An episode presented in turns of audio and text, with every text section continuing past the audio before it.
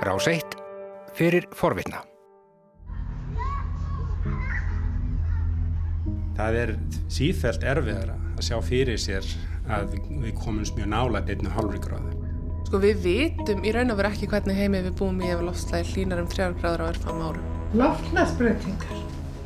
Mér finnst það bara ekki drosalega langt síðan ég fór að hefa það.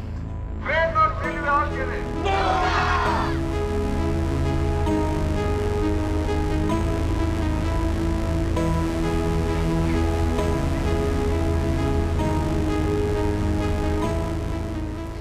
Velkomin í loftslagsþerapíuna. Ég heiti Arnhildur Haldunardóttir. Ég er fréttamaður, ekki þerapisti. Þeir eru ekki komin í meðferð, ekki beint. Að vinna þessa þætti hefur eiginlega verið mín þerapía.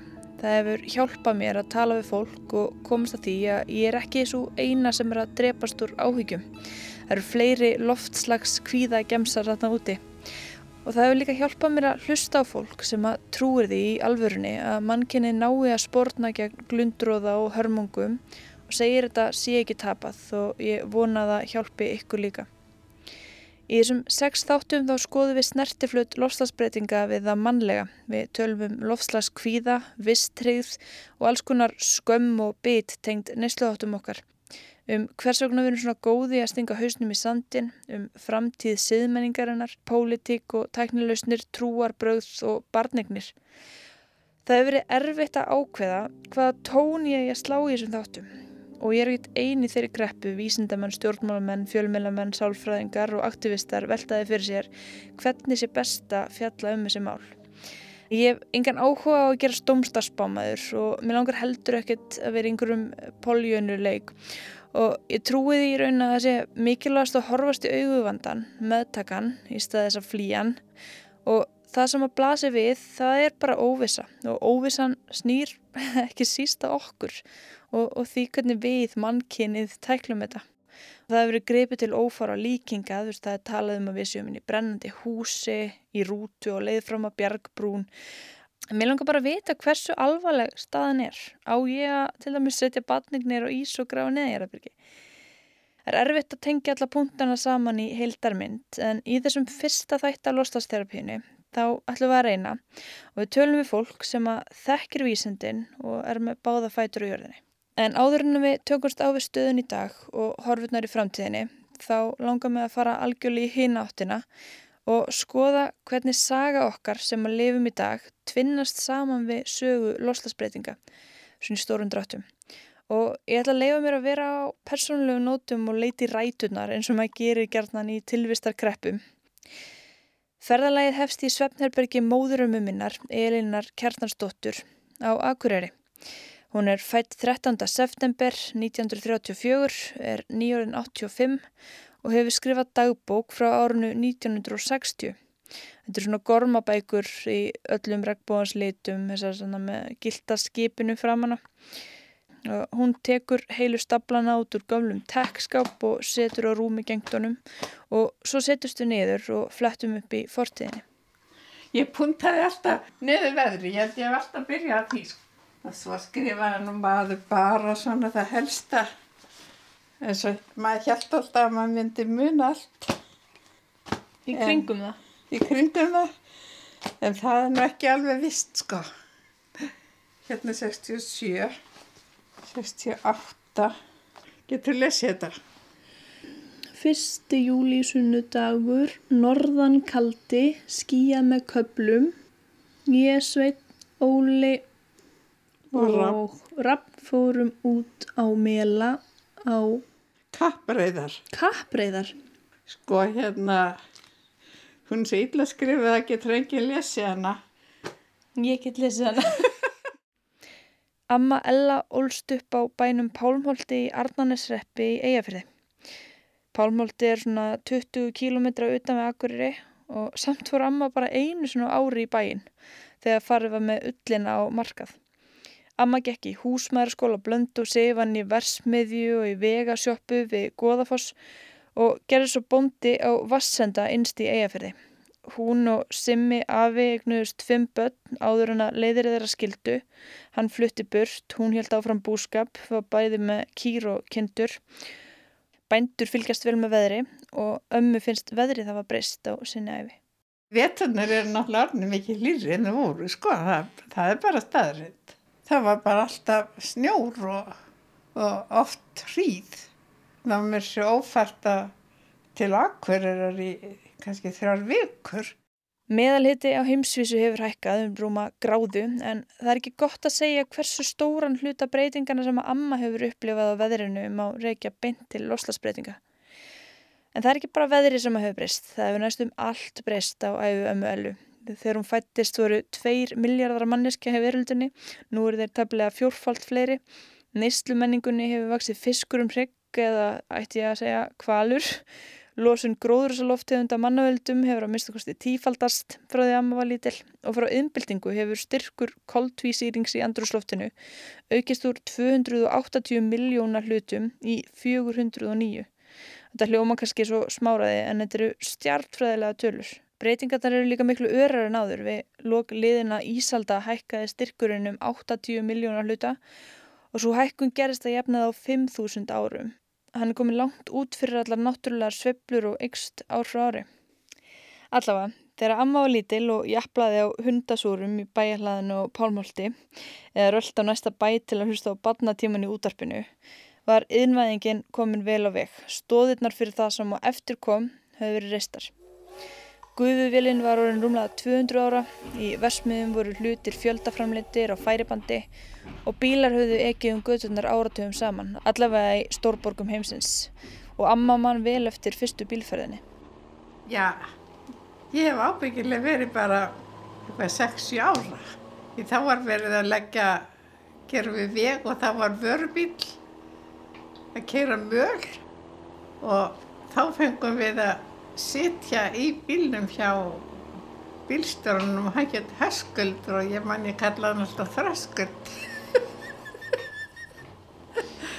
og það hérna það var voðalegt sport en ekki fór nú bílinn rætt Ygnuðustu fjölskyldan bíl eða, eða ygnuðustu bara bíl þau ert komin út í Vassenda á fullarhusárum eða? Já, fyrsta bílinn 60 og, og sjöliklega bara.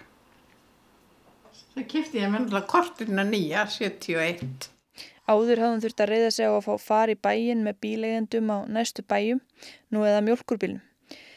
Bílinn er ekki eina byltingin sem amma hefur upplifað. Hún egnaðist ekki ískáp fyrir 1974, þá búin að egnast fimm börn og ramagnið kom fyrst í sveitina árið 1963 þegar mamma var tvækja. Amma og vinkonunur á næsta bæ voru þó lungu búinur að kaupa sér þvóttavél og tilbúinar í nýja tíma. Hún við bæinn prívat til að kaupa okkur þvóttavél. En hún var ekkert sjálf virk. Ekki svo í dag, ekki bara að íta og taka prógram. Nei, nei, nei. Þetta þvó, svo þetta skóla og svo þetta var handvinda sko. En það var samt alveg æðislega luxus bara. og þessi ískápur, hvernig óskupunum fórstu að á þess að vera með ískáp? Að ég er nú bara ofta að hugsa um það hvernig það hefur verið. Það, en það er maður sem maður saknar ekki þess sem maður hefur aldrei haft sko. Ammir á nýttnu kynnslóðinni, sögmaði rúmföt úr kveitipokum, setti bekk í gamla kjólinn þegar að tískan síkaðinir á mjóaleggun sem hún kallar að nýtti bókstaflega allt í drastl og hendi yngu. Hún er líka kynsluð sem að tók einnóta plasklössum sem að ekki þurft að þrýfa fagnandi og naut frelsisins sem að yngabillin veitti á þess að leiða hugana mengun hvað þá loftslagsbreytingum að mannavöldum. Þetta er rómot kaffi? Já, það er ekki róma við berjum. Loftslagsbreytingar. Mér finnst það bara ekki drosalega langt síðan ég fór að hefa það. Alls ekki. Ég held að sé ekki að vera tíu ár síðan. Það var náttúrulega að vera að tala um ósónlægið. Þannig að þetta er svona alveg nýtt. Já, ég man ekki eftir sko, já. Fyrst er þetta ekki skrítið að mannkynni geti svona ítt undir breytingar á veðufarinu? Jú, það er kannski ekki skrítið miða við allar þessi breytingar sem eru annar.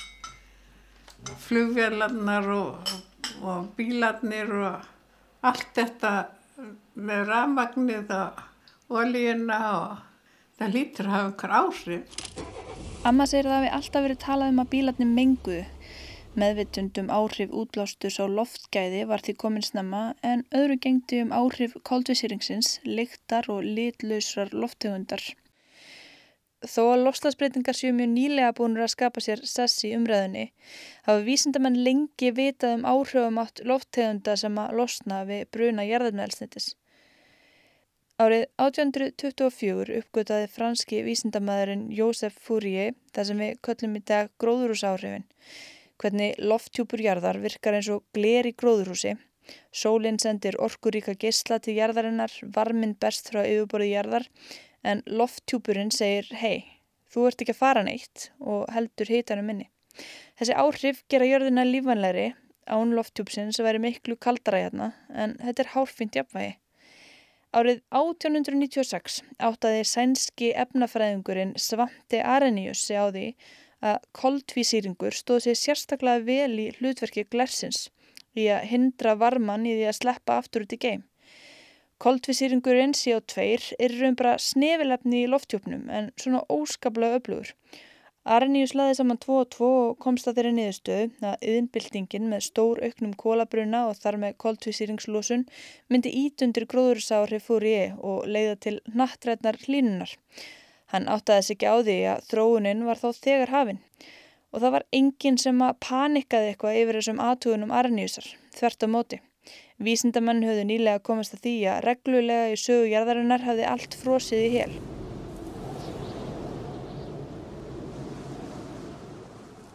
Þeir eru ágjör á Ísöld og koltisýringurinn, hann gæti kannski bara bjarga okkur skillegin slik á. Árið 1938, þegar Amma Ella var fjögur ára nátutáta, leitu dagsins ljós fyrstu mæligögn þar sem að aukin losum koldvísýrings var sett í samhengi við línun jarðar. Breski vísindamæðurinn Guy Callander gaði út af frá árinu 1890 hefði miðal hiti á jörðinni hækkað um hálfa gráðu og sama tíma hefði yðnbyltingin skrúfað styrk koldvísýrings í andrusloftinu upp um 10%. Kalender hafði ekki miklar ágjur af þessu.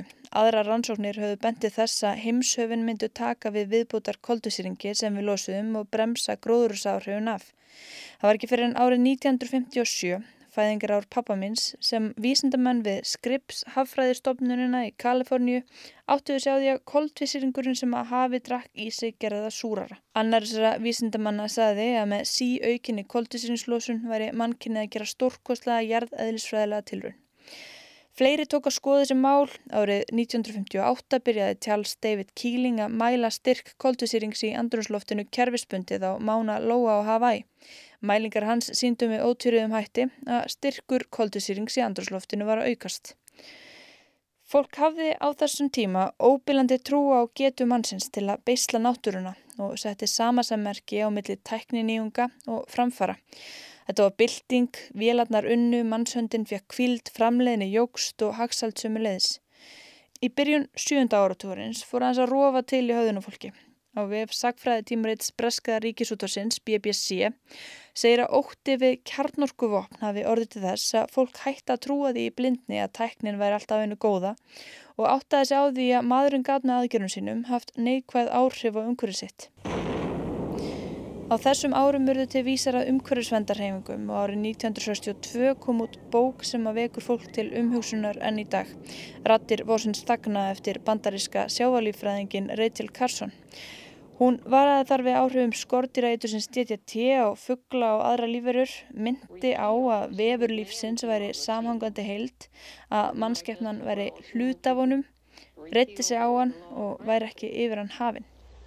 The balance of nature is built of a series of interrelationships between living things and between living things and their environment. Vísindamenn fóru að gefa losun koldvísýringsaukingauðum og í lók sjönda áratugurins voru margir farnir að hallast að því að þessi losun væri kannski ekkert gaman mál og jafnvel hættuleg. Svona blésu vindarnir þegar að foreldrar mínir fætust inn í hennan heim. En ég efast samt stórlega um að lofslagsmálinn hafi verið mikið rætt við eldursporin heima hjá þeim. Pappi fættur árið 1957, mamma árið 1961. Já, ég hitti Háldan Úrnánsson og uh, er bara uh, fæstu í kennslu í framhaldsskóla. Ég er mentaður þjóðhagfræðingur, reyndar bara með BS-próf og síðan kennsluréttindi og hef unnið uh, allt, já, nánast alla mína starfsæfi við kennslu. Eh, Ég heiti Hugrún Sigmundsdóttir og ég hef starfað sem eh, við leikskóla. Alla mín æfi er leikskólakennarament. Þegar mamma og pappi voru að alast upp var kaldastriðið í algleimingi. Ég held að, held að, held sem sagt að það hafi aðri hlutir verið einhvern veginn ofar á baugi, menn hafa náttúrulega verið að glýma við alls konar óta vegna ímiskonar vandamála, kjarnorku váin verið mjög umfangsmikil, bæði óttin við kjarnorku stríð og, og síðan áhyggjur af því hvað ég gera við allan þennan geyslavirka úrgang sem að náttúrulega er skadalegur í hundruð þúsunda ára. Að svona hlutir hafa verið að, að, að svona uh, fanga aðtikli fólks og, og setja fólk í uppnám. Náttúrulega sem er náttúrulega fullkonlega eðlilegt. En svo skrýður fram þessi þetta vandamál svona hægt og rólega þetta með nattrænu hlínunina og súrnun sjávarins og þetta þessar hryllilegu mengunar þennan hryllilega mengunarvanda vegna plass og þungmálma og alls konar hluta og svo erum við að sjá hvernig lífríkið bregst við. Pappi minnist kynsluðar ömmu sinnar og afa sem að reyf Ísland upp úr aldalangri fátökt. Ég held bara að fólk hafi ekkert átt að segja á því hvert þetta myndi leiða menn kvölduðu þetta framfarir fólki þótti þetta náttúrulega mörguleiti mjög jákvægt í samanbyrðu við þá fátækt sem fólk hafi búið við í hérna sínu ungdæmi. Þessi kynslu sem ég er að tala um, hún náttúrulega er svo kynslu sem að lagði grunninn á vel, velferðinni á Íslandi og þar með háneislunni. Það eru gríðarlegar breytingar. Þetta er náttúrulega ótrúlegt sem að hefur gerst á ekki lengri tíma í, hér á Íslandi og í heiminum ekki öllum, heldur í hennu vestræna heimi. Þegar ég er stelpa þá er það er ekki keft fött á okkur nema bara það allra nöðsilegast allt, allt er saumað. Og allur matur inni frá grunni. Og þegar ég er, eh, hvað er ég gömul, svona 17 ára þá er ég að vinna í, í á svona litlum, lítilli hérna veiktingasölu í sveitinni og þar, eh, það þóttum bara nýnæmi að, að fólki sem að rak þessa veitingasölu þau voru með svona plastkaffimál. Og það var, það var einhvern veginn alveg nýtt á þeim tíma. Og það sem að þau gerðu, þau letu þvó þessi plastmál aftur og aftur hangað til að, að þau sprungu annarkot í uppþóttinum eða þá að, að einhver viðskiptavinurinn sem var þarna í sundarskaffi tók eftir því að glasi fór að leka og kvartaði og þannig að það var nýtt alveg eins og hægt var. Ég held að, að við höfum í rauninni tekið upp svona frekar umhverfis væna stefnu frekar ung og líka komin úr þessum jarðvegi þar sem að yngu var hend og, og allt nýtt. En svo er glóð einhvern tímapunkti hefur við mist tökkin á því eins og allir aðrir og farið að, að hérna, e, já, farið út í þessa óhóflegu neyslu sem að í rauninni enginn hefur gott af. Á árunum 1970 til 1990 flegði vísindunum fram, skilningur á veðrakerfinu jógst og líkon til að rekna út áhrif losunar og línunar á þau eruðu öflugri. Á þessum árum komust vísindamenn líka því að koltvísýringur var ekki eina vandamálið. Metan og nituroxið voru líka til vandraða, svo ekki sér talað um klórflúor kólefni sem að voru nótuð í kælikerfi til dæmis í ískápum og eru 8000 sinnum skadalegri en koltvísýringur. Vegna þeirra hafði myndast gat í ósónlæginu yfir Suðurskjöldslandinu, ósónlæginu sem verndur okkur fyrir útfjólubláum geslum frá sólinni. Það náðist að koma böndum á ósónvandan með alþjóðlegum samningi en umræðanum lofslagsmálinn varð harðari og fólk fór að skipa sér í fylkingar. Það dögði ekkit annað en fleiri rannsóknir, betri gögn en öflugri reiknilíkun til að skera úrum þetta fyrir fullt og allt. Mamma og pappi er erfitt með að revja upp hvenar þau heyrðu fyrst um lofslagsbreytingar en þau munutir því að hafa fengið fræðslu um ymsar umhverjusóknir þegar þau voru í mentaskóla. Þarna undir 1980 og uh, og manni fannst það náttúrulega mikið áhyggjaefni. Eina ástafan fyrir því að ég fór í hagfræði var náttúrulega, ég hafði svona vissan áhuga á, á uh, málum þessum tengdum, ég til dæmis laslu til dæmis uh, skýslu Rómarklúpsins svona sem uh, unglingur og var, hún var meðan daldur hugleikinn og var síðan að hálfgerðu aðhlátusefni vegna þess að, að svartsýnisspárna rættust ekki alveg svona eins og þeir höfðu lagt þar fram mjög nákvæmar spárum hvenar hín og þessi ráefni erðu uppurinn og svona en hagfræðin hins vegar uh, hún svona þessi hefðbundna hagfræði er í raun og veru ekki að taka á þessu máli nema þá svona eiginlega svolítið á jæðrinum. Lofslagsmálinn voru kannski að komast almennilega á dagskrá í lok nýjunda áratugurins. Í fræri skýslu Brundtland nefndarinnar frá árnu 1987 var fjallaðum þeir sem eina af mörgum umhverjusóknum og þar var líki fyrsta sinn fjallaðum sjálfbæra þróun og slegin tón sem að allar gutur síðan hefur einkent umræðuna talaðum komandi kynnslóðir. Ætli lofslagsóknin sé ekki búin að vera ná gabli hjá mér í um það byrj ár. Ég var alveg meðvituð fyrir, ég var búin að pæli lofslagsmálum mörg ár, lesa skýslur, flytja fréttir að þeim. Raunveruleikin, hann síja smám saman inn Ég áttaði mig á þessum forsendubresti því að framtíðin yrði ekki endilega eins og ég bjóst við. Það væri ekki þessi stöðuleiki sem ég gerir ráð fyrir. Ég tengdist vandanum á persónulegan hátt sem manneska. Ég veit ekki hvað var til þess að þetta breyttist. Kanski skýsla frá milliríkjanemdini sem kom út síðasta haust þar sem kom fram að það væru bara 12 ár til stefnu til að retta þessu 11 núna kannski bara aukinn þungi samfélagsumræðinni kannski dramatíska fyrirsögnum fjölmjöla sem ég tristi og greinar líka á borði BBC og Guardian. Og kannski bara afhjúpandi rött 16 ára stúlku. I want you to panic. I want you to feel the fear I feel every day. And then I want you to act. Ég er 31 árs, ég haf gummul milliríkja nefnd saminuð þjóðan nefn loslasmál. Árið sem ég fættist, 88, sló hitamett sem síðar ár hafa svo auðvitað margslegið. Helmingur allrar losunar koldvísýrings á mannaveldum hefur orðið á minni æfi og sumi segja við höfum skadað vistkerfi meira frá því rammasamlingur saminuð þjóðana um loslasbreytingar var laðið fram á umhverfisáðstöfnun í Ríó árið 92, fæðingrar bróðumins, en síðustu þúsund ár þar á undan. Að einhverju leiti er lífmitt og personleiki jáfnvel og minningar samofnar kólefnislosandi neyslu og ég verða að viðkjöna ég elska lyktina bensinni. Þegar ég var lítið stelpa klætist ég alveg fjöldaframlutum innfluttum fötum þó að mamma hefði líka saumað á mig. Það er allt vaðandi í dóti, poksi, tölvugeldýrum, prumpuslými, tiggi og tattu.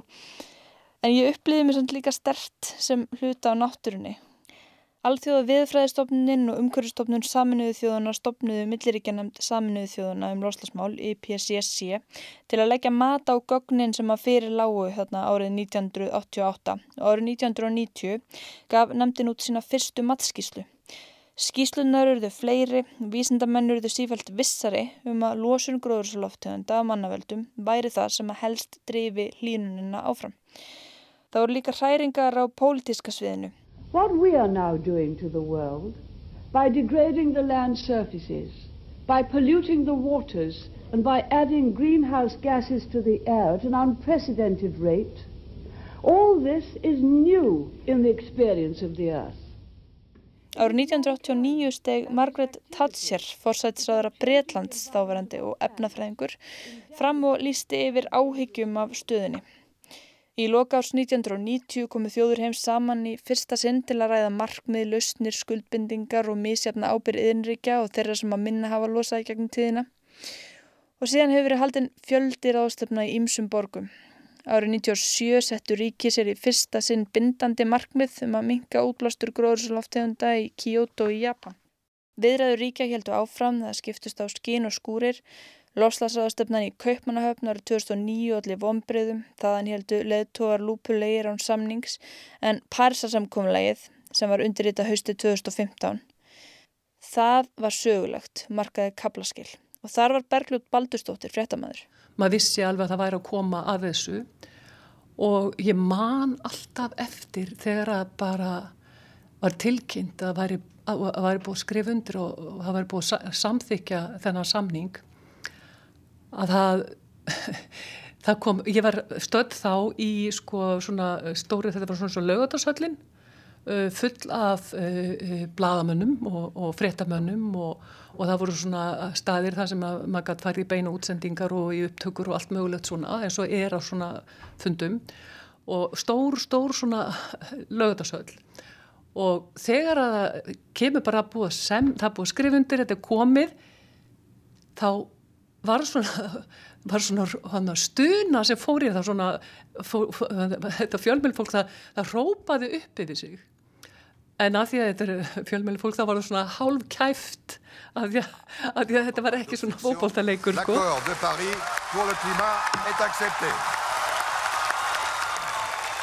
Ég hérna man að þetta hafði mjög mikil áhrif á mig hvernig hérna að finna hvað hérna þetta hafði mikil áhrif á þetta fjölmjölafólk og, ég held að, að, að það sé náttúrulega vegna þess að þetta fólk hafi verið hafið því svona gert þetta sínu sérsviði ekki síst. En þetta var svona eh, viðbröð sem komur svona úr óvæntri átt einhvern veginn. Þjóður heims skuldbundi sig til að halda hlínun jarðar vel innan tvekja gráða, helst undir einn og halvri. Og það verður ekki nóg að draga lósun Það þurfa líka að koma til tæknilausnir sem að hjálpa okkur að fjarlæga koldvisýring úr andrusloftinu í stórum stíl. Við þurfum að binda helling á kólefni. Þjóður heims þurfa líka að vinna saman að aðlugun. Það verður ekki ekkert að koma í vekk fyrir losasbreytingar. Það er standa yfir, núna. Baráttan snýst í raunum að halda aftur að þeim og þar telur hvert brotur gráðu. Þrátt fyrir að vísindunum hafi fleikt fram á síðar luta 2000-aldar þá heyrði ég, held ég, fyrst um loslasbreytingar af einhverju alvöru í mentaskólum á Akureyri. Ég mann til dæmis að líffræðikenn talaði um uh, barnegnirinsni og sagði við upplýsta unga fólki eittum alls ekki að sleppa því eignast börn því að við myndum alveg upp meðutu börn.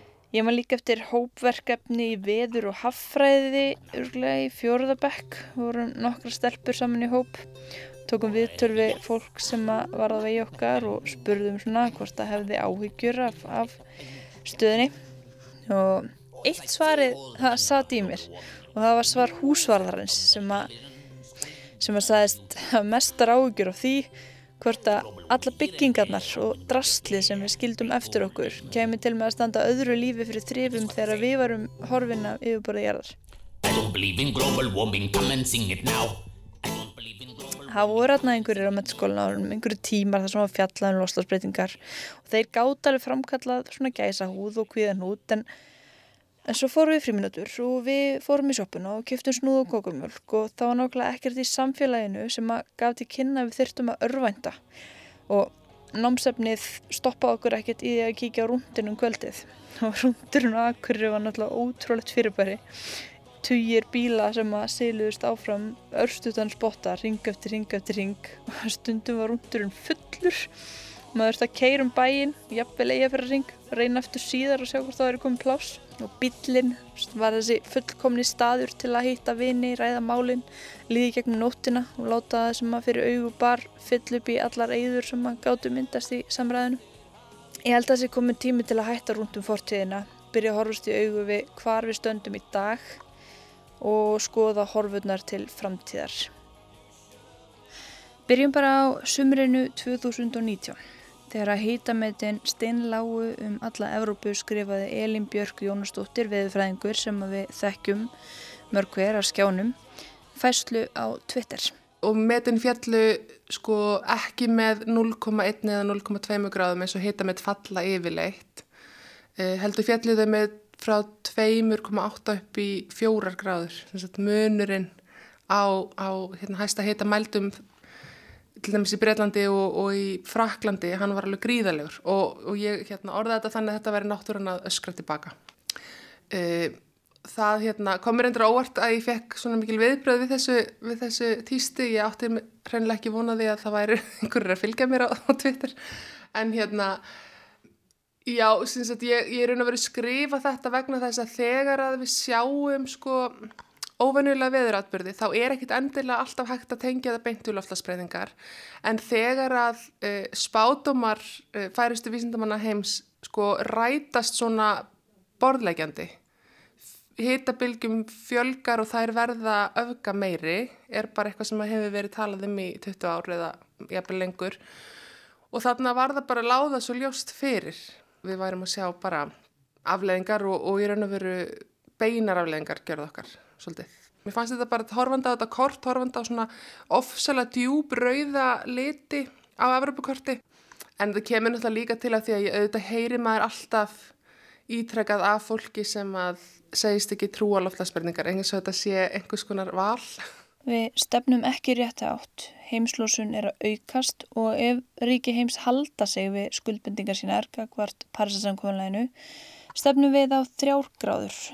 Elín segir að líklegast aukist öfgar í veðurfæri eftir því sem meðalhitin hækkar en nákvæmlega hvernig afleðingar til dæmis þryggja gráðu línunar yrðu segir hún óljúst.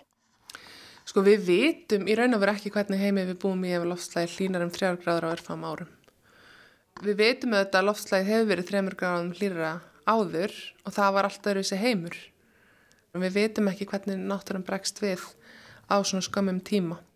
Það liggur heldur ekki fyrir hvort miðalhitin á eftir að hækka línulega, hvort þetta verður tröppugangur eða veldisvöxtur.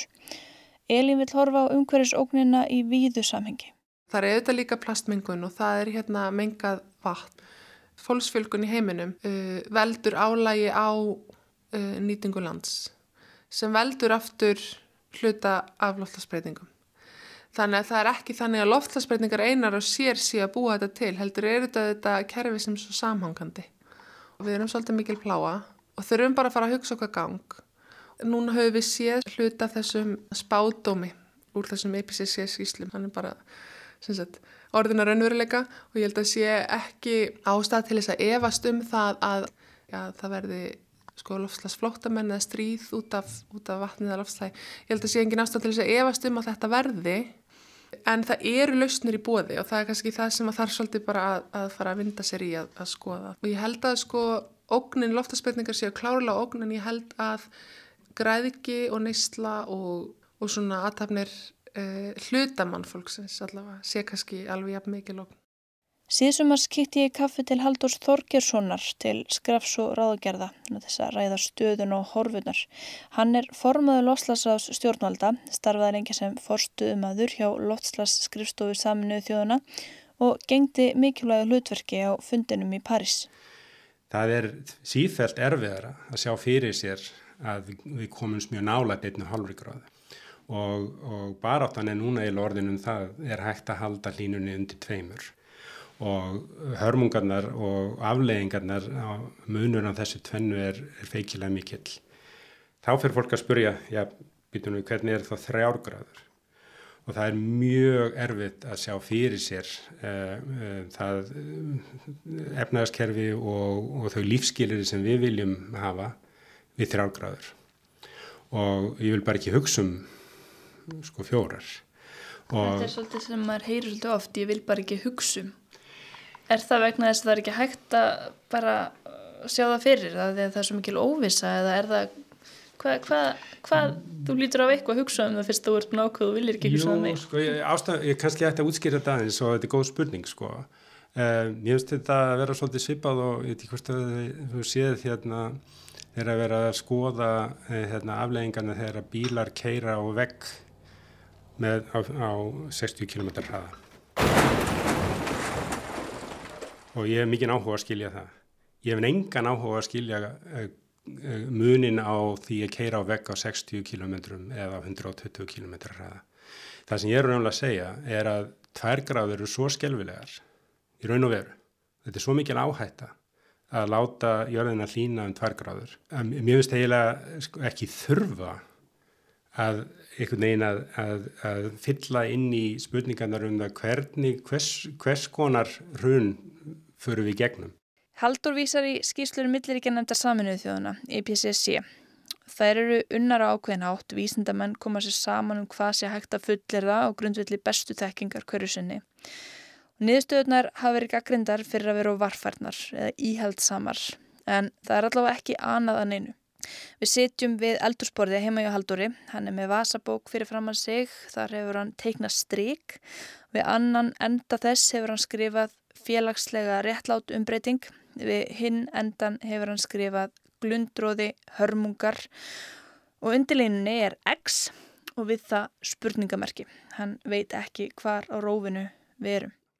Sko það sem ég var að reyna átta mig á er raunverulega hversu, uh, hvar eru við á þessu rófi frá því að, að fara í gang gegnum mjög sársökafullar umbyltingu á hagkerfinu eða fara í gegnum það sem mætti kalla svona skipurlagða, yfirvegaða og réttláta umbyltingu. Því miður uh, er það ekki lengur uh, raunhafi möguleiki vegna þess hvað við höfum beðið lengi, við höfum tapað miklum tíma. Uh, spurningin er, er, við, er þetta allt orðið glatað og erum við komin yfir í umbyltingu sem þarf að gerast með glundróða, miklum hörmungum og, og runni síðmenningar.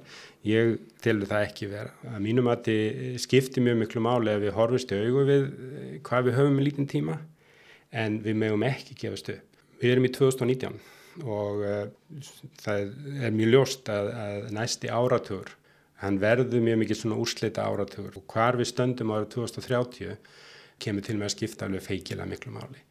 Og við getum ekki náð utanum þetta vandamál ef við erum í sömu stöðu 2030 og erum í dag. En við veitum ekki hversu nálat við erum komin glundráða og, og hörmungum mm. og, og, en þú segir þessi ekki vegna þess að við þekkjum ekki lofslagsvísindi.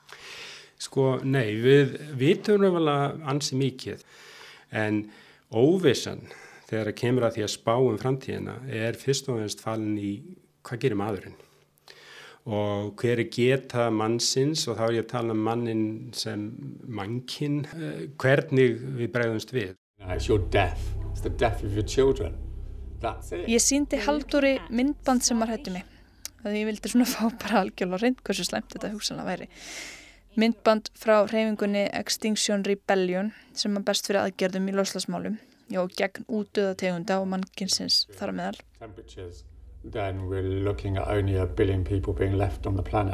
Í myndbandinu er talað um hvað gerist ef við náum ekki markmiðum. Stjórnlausar hamfæri rústa siðmenningunni, það verður hungursnæði í Evrópu, megin þorri mannkinn steyr vegna loftslags hamfara á næstu áratugum og börnin okkar eru fætt í heiminn til þess eins að þjást. Uh, er hægt að reyka þetta? Já, það er, uh, fólk tekur oft mjög djúft í árinu þegar það er að reyna að, að ná aðtikli. Þannig að mér finnst, uh, mér finnst sumar fulleringar sem að er að koma fram núna vera óabrikar. Uh, vel, en er það algjörlega lausu lofti, lausu gripnar? Það eru ekki úr lausu lofti gripnar að því leiti að, að margar af þessum sviðsmyndum sem er verið að kynna fyrir fólki að, að þær uh, eru til staðar en þær eru kannski lengra í framtíðinni heldur en, heldur en eru, eru kynnt. Mér finnst sumt að þessu sem að er að koma fram í dag uh, vera hræðslu áraður og hann er ekki góður. Ymmit vegna þess að þetta er ekki úr lausilótti gripið að þá þarf að fara mjög varlega. En það sem ég held að sé svo mikilvægt er að í sömu andrani þegar þú talar um vandamálið að tala um lausnirnar og valdefling er held ég líkil atriði hér. Haldur minnir á þá staðrind að nú þegar þjáist fólkum allan heim vegna loslasbreytinga. Nærtagt dæmi um þjáningar tengdar loslasbreytingum er kannski 5. stegs fellibilurinn Dorian sem gekk yfir Bahama í erundaginn. Loslasbreytingar gera það verkum að gjörningaveður og borðið fellibili verða alvarlegri, eðileggingar mátur þeirra meiri.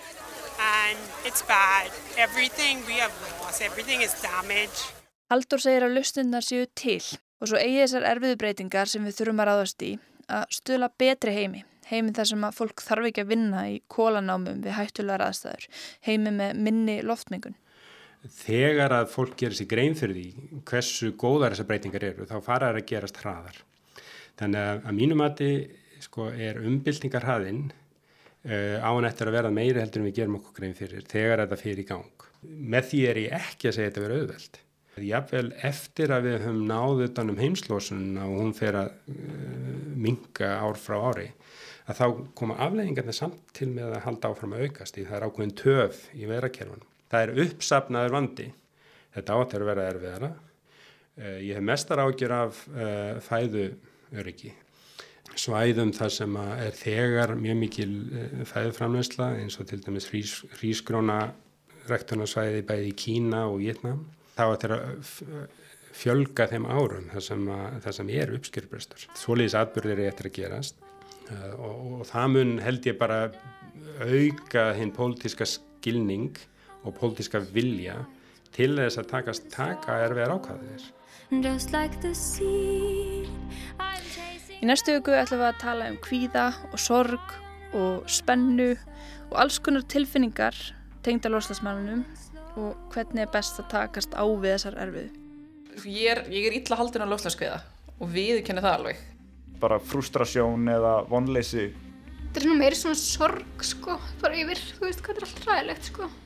Takk í dag.